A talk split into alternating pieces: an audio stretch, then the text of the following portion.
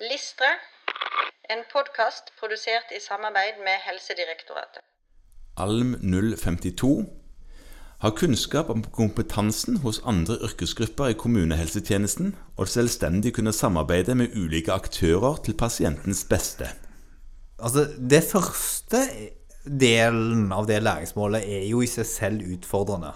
For det å ha kunnskap om kompetansen til andre yrkesgrupper kan jo virke overveldende. Ja, altså det å vite akkurat hva den enkelte fysioterapeut eller den enkelte logoped kan, det tror jeg ikke vi skal ta høyde av oss i å sette oss inn i. Nei. Men hva fysioterapeuter skal kunne, kunne hjelpe oss med, og logopeder skal kunne hjelpe oss med sånn generelt, det må en kanskje vite noe om. Ja, og da tror jeg du sa akkurat det som er viktig, at her handler det jo ikke om inngående kunnskap om kompetansenivået til den enkelte, verken behandler eller profesjon, Nei. men en slags overordna forståelse av hvilke problemstillinger, eh, hvilke utfordringer er det de ulike gruppene kan jobbe med. Mm. det gjelder alt ifra hjemmesykepleien og dens funksjoner, hjemmehjelpen og dens funksjoner, til eh, alle andre yrkesgrupper, altså fysioterapeuter, ergoterapeuter, kiropraktorer, naprapater, tannleger,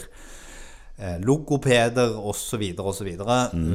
Ja, det, det, det er et helt koppel av de. Ja, Ja. og det forventes at du, å ha kunnskap om hva disse ulike gruppene jobber med, og hva de er gode på, kan bruke de aktivt, og samhandle aktivt med de.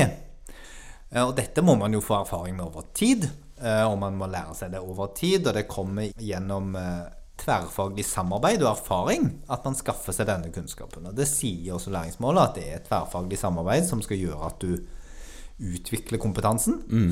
Og så eh, gjennom eh, forskjellige møtepunkter med kommunen, der man kan få informasjon om og sette seg inn i hva de ulike delene av kommunens primærhelsetjeneste kan bidra med i samhandlingen rundt pasienten. Ja, og i mindre kommuner så er det jo sånn at eh, du kanskje blir kjent med de aktørene som fins.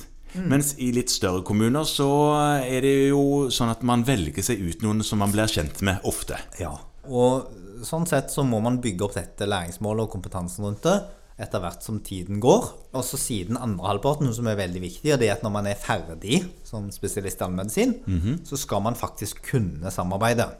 Ja, og det er jo eh, interessant, for det er jo viktigere og viktigere det å kunne være en i et større nav, for å bruke det ordet, rundt en klient eller pasient. Ja, og det som jeg tenker man skal ta med seg og bruke litt tid på i spesialistutdannelsen til å, å reflektere rundt, er dette med at man faktisk må ha kunnskap om de andre enhetenes kompetanseområder for å kunne samarbeide. Men det å kunne samarbeide med de og bruke de på en effektiv måte, samhandle med de på en effektiv måte, gi informasjon, få informasjon, det krever faktisk noe mer enn bare ren kunnskap om hva de kan. Man må altså utvikle evnen til samarbeid for å kunne kalle seg en god spesialist i allmennmedisin. Og det er kanskje noe man burde lagt litt mer opp til i grunnutdannelsen. Det kan godt være.